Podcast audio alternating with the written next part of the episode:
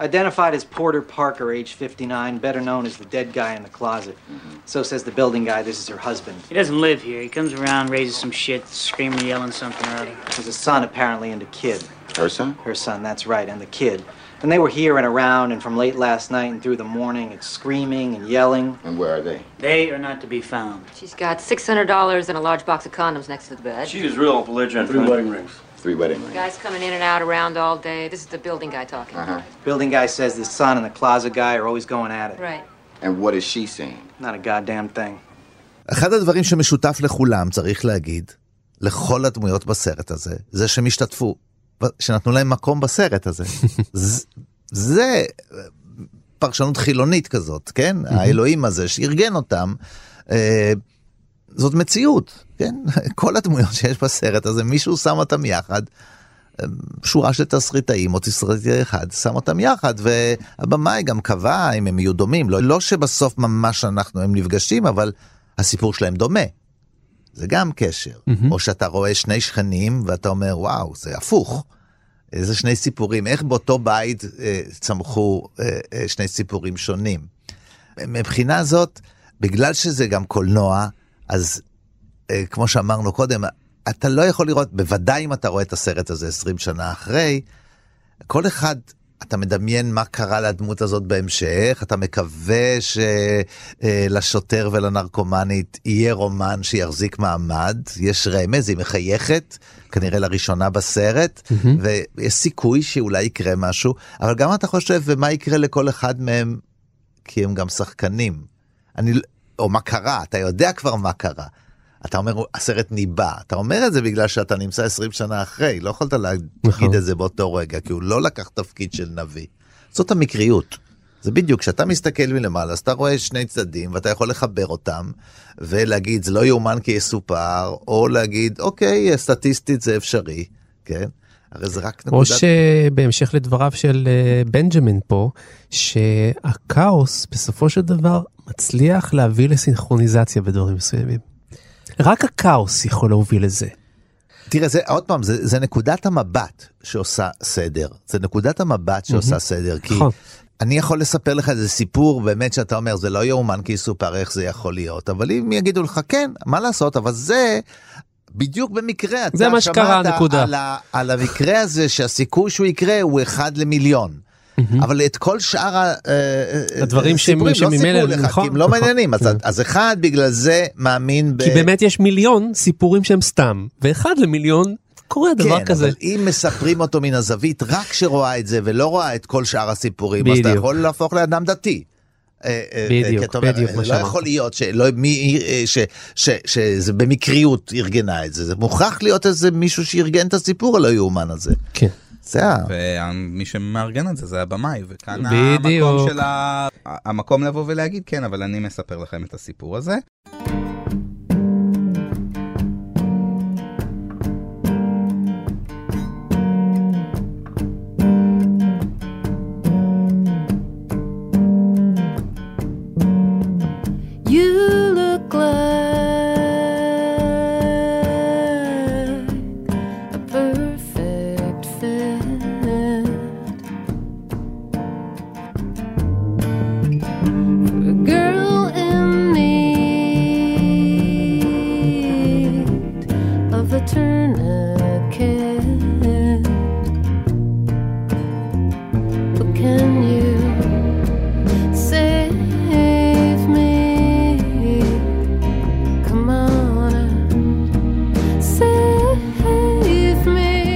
חושב שאם כבר אנחנו מדברים על uh, כאוס ועל uh, סדר, או ליצור איזושהי משמעות, צריך גם לדבר על התפקיד של המוזיקה בסרט הזה.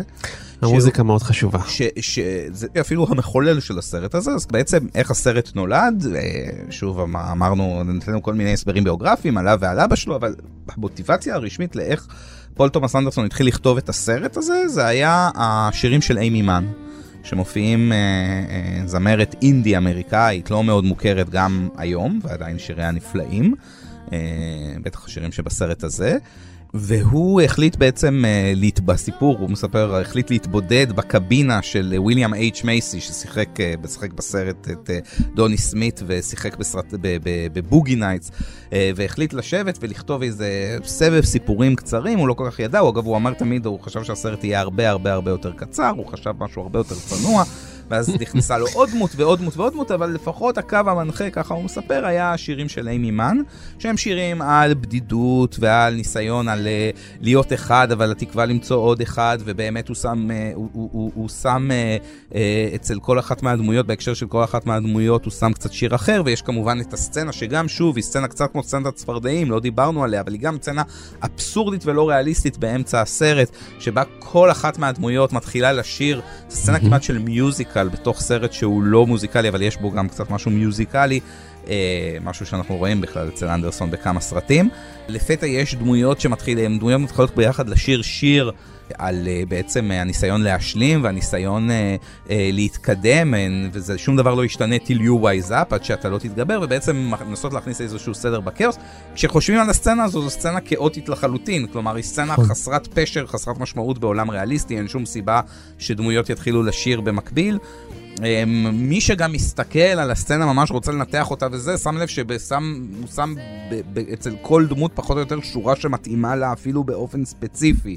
עד כדי כך הוא דקדקן ו, ו, וכדומה. וכשמדברים על ניסיון למצוא משמעות בכאוס, אז שוב אפשר לבוא ולהגיד, אז מה הרעיון? בסוף הבמאי החליט שהדמויות פשוט ישירו את השיר הזה ביחד, ולא אכפת לו שזה לא ריאליסטי, ולא אכפת לו שזה אפילו, אני אגיד אפילו מילה שהיא גסה, אבל במרכאות קיצ'י, כלומר זו ללא ספק הסצנה mm-hmm. הכי אמריקאית במרכאות בסרט.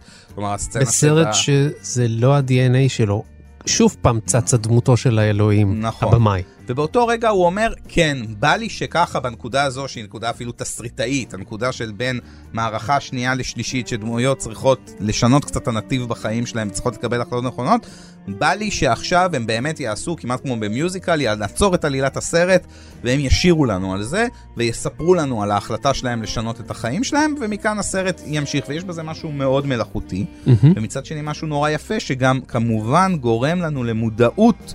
לגבי עצם האקט התסריטאי הזה, כלומר, על עצם המחשבה שהנה כאן, במקום הזה, הבמאי מחליט, הדמויות ישנו את החיים שלהם לכיוון טוב יותר, ואני אגיד את זה בצורה הכי בוטה שאפשר, בלי להתנצל. ויש בזה משהו יפהפה. אה, ועד היום אני חושב ששוב דיברנו על ההומור, אז גם המוזיקה זה משהו שבתוך הסיפורים הנורא קשים שאנחנו רואים פה בסרט, ושוב אני מנסה לדמיין את הסרט הזה כסרט אה, אירופאי של אה, לארס פון טרייר, או, או אפילו של אינגמר ברגמן שהוא במאי שאני מאוד אוהב, אבל עצם המחשבה של סרט של שלוש שעות עם אה, חיים איומים וקשים של אנשים שעברו דברים איומים נוראים, זה נשמע לי כמו סרט בלתי נסבל. וכאן בסרט הזה השילוב הזה בין קצת הומור, קצת גרוטסקה, קצת מודעות עצמית, וקצת מיוזיקל, מוזיק, והרבה מוזיקה, והרבה מוזיקה, גורם לזה ש-20 שנה אחרי אנחנו בעצם מדברים על זה, כי זה סרט שנורא כיף לחזור אליו, למרות ששוב הוא מספר על דברים איומים ונוראים. On, man, just watch me. Watch and listen. Okay. Presents. with a double ass meaning a stove. With my riff and my frappuccino and me though. Think fast, kiss me yo, cause I throw what I know with the resonance. For your trouble ass, feed it in the wind yourself off of the back of the shelf. Jackass, crackers, body stackers, dick two niggas, master oh, pain, yo. Hold it, homeboy. I don't need to hear that word. Living to get older with a chip on your shoulder, except you think you got a grip, cause your hip got a holster. Ain't no confessor, so Buster, you better just shut the fuck up. Try to listen and oh, learn. Oh, oh, oh, cut it, Coolio. I've had enough with the mouth and the language. I'm almost done. Finish it up without the lip. Check that eagle. Come off it. I'm the prophet, the professor. I'ma teach you about the worm, who eventually turned to catch wreck with the neck of a long-time oppressor. And he's running from the devil, but the debt is always gaining. And if he's worth being hurt, he's worth bringing pain in. When the sunshine don't work, the good Lord bring the rain in. And that shit will, will help you solve the case. Okay, whatever that meant. Sure, it's real helpful, iced tea. וגם הוא משאיר אחריו טעם מיוחד. יש סרטים שלא משאירים אחריהם הרבה טעם, שלא נשאר הרבה זמן. יש לסרט הזה look and feel גם, צריך לזכור. לוק אנד פיל, גם מבחינת הצילום, גם מבחינת הבימוי, גם מבחינת ה... הסצנות והעריכה שלהן, שגורמות לך לסיים את הסרט הזה עם כל הבחילה שאמורה להיות בו, עם טעם טוב. אני חושב, דיברת על תמונות קצרות, וזו שאלה באמת מעניינת, אני חושב שכשהסרט יצא, הוא יצא ב-99, הוא יצא שש שנים אחרי תמונות קצרות. אה, של חס- אלטמן, כן. כן, של אלטמן, חסידיו של אלטמן, ובמידה רבה מסוימת של צדק שאמרו פלגיאט, כלומר יש כאן מידה של העתקה, אני גם לא חושב שאנדרסון, זה, זה מפריע לו יותר מדי, וגם לא אכפת לו להודות בדברים האלה שהוא לקח השראה מאלטמן. כן. ותמונות קצרות זה סרט נפלא, כן? זה יציר, מבחינה קולנועית זו יצירת מופת אפילו יותר משוכללת מהסרט הזה, זה, שם זה באמת לדעתי אנחנו מתקרבים שם ל-30 דמויות, ורגעי משחק נהדרים והכל וזה, ואני חושב שיש סיבה. מדוע עכשיו, אה, מעל 20 שנה אחרי ששני הסרטים האלה יצאו, יש סיבה מדוע מגנוליה זכור יותר. נכון. ואחת הסיבות היא ש... אה, וזה לא נאמר לרעת זה, זה שבסוף פול תומאס אנדרסון, מה שנקרא, ריצף וריפד את הסרט הזה. בדיוק. ב- בטעם יותר טוב באמת, בין המוזיקה להומור העצמי לגרוטסקה, אה, אז אה, הוא סרט שבסופו של דבר מוציא אותך עם משהו יותר אנושי. כי, כי, כאילו שום דבר לא מסתדר שם, אבל בסוף אתה מרגיש שמשהו בסוף כן נארז נכון, אני- וכן מסתדר בסוף. אני אפילו אלך דרך. התחלנו בצפרדעים, אז אני אגיד את זה דרך העניין הזה של המכה המסיימת שדיברנו עליה. אצל, אה, שזה שוב, זה לא כזה שונה מבחינת תסריטאית, אבל אצל אלטמן המכה המסיימת היא רעידת אדמה, וכאן המכה המסיימת היא צפרדעים. עכשיו, רעידת אדמה, אני זוכר תמונות קצרות, אה, מי שאני ממליץ מאוד לכולם לראות את הסרט, אבל שם זה באמת עונש אלוהי. כלומר, שם מי שזוכר זו באמת מכה. שאגב, בלוס אנג'לס תמיד מדברים על the big one, תבוא המכה שתהרוס ותחריב את העיר הזו, זו באמת המכה שהיא לא רק מחברת בין הדמויות, היא גם בסופו של דבר היא מענישה חלק מהדמויות, וחלק מהדמויות באמת משלמות ברגע הזה מחיר על חטאיהם, וזה, וזה רגע שהוא מאוד, אה, אה, באמת מאוד, אה, אני לא אגיד קודר, אבל באמת מאוד דרמטי וקודר. וכאן דיברנו באמת, הוא זרק צפרדעים. ושלח את הצופים לדון במשך 20 שנה, למ, קודם כל למה צפרדעים, ודבר שני, כמו שאמרנו, זה גם מצחיק. כלומר, בסופו של דבר, הגור הזה, הצפרדעים מלאות הדם שנוחתות באמצע הווילה וכדומה, אז זה זכור יותר, ואתה יוצא עם משהו שהוא קצת יותר אנושי, קצת יותר מיוזיקלי אפילו, ובאמת אז זכיר יותר, ובעיניי זו הסיבה שמגנוליה זוכרים אותו ואוהבים אותו היום עד כדי כך. הזכרת את אינגמר ברגמן, הוא הגיב על הסרט הזה. הוא כן, עדיין היה חי בזמנו, כן? שזה סרט שמעיד על כוחו ועל עוצמתו של הקולנוע האמריקאי.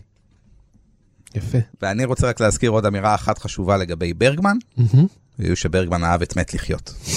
אז האיש, נכון. כל הכבוד לפרסונה, הבין בקולנוע. הייתה לו ספריית קלטות וידאו, היו לו 6,000, פרסונה טובה. 6,000, 6,000 קלטות וידאו, ובין היתר היה שם גם את עמנואל, הסרט האירוטי.